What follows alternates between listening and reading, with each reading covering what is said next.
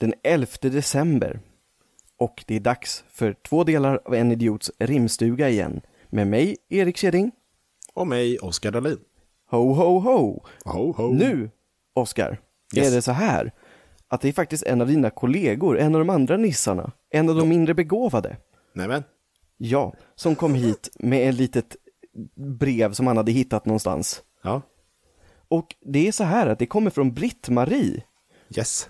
och hon behöver komma på en julklapp till sina barnbarn som redan har allting, som alla barn idag säger. Ja, jobbigt. Ja, så att det är upp till oss, eller till dig min supernisse, att lösa det här.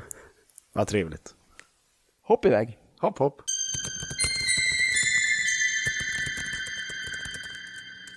Nu är jag tillbaka. Nu har jag ett, ett bra rim här. Bra, Eh. jag litar på dig. Och en otroligt fin julklapp, må jag säga. Den här hade jag velat få, kan jag säga. Jag har också allting. Typ. Perfekt, Mm. jag förstår det.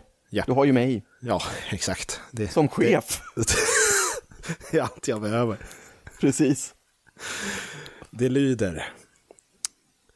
Mina fina bortskämda snorungar, ni beter er som ni vore kungar. På min tid fick man ha tråkigt jämt, på långfredagen fick vi inte ens dra skämt. Så dessa presenter er tråkigt ger måtte. Men här är varsin liten kotte.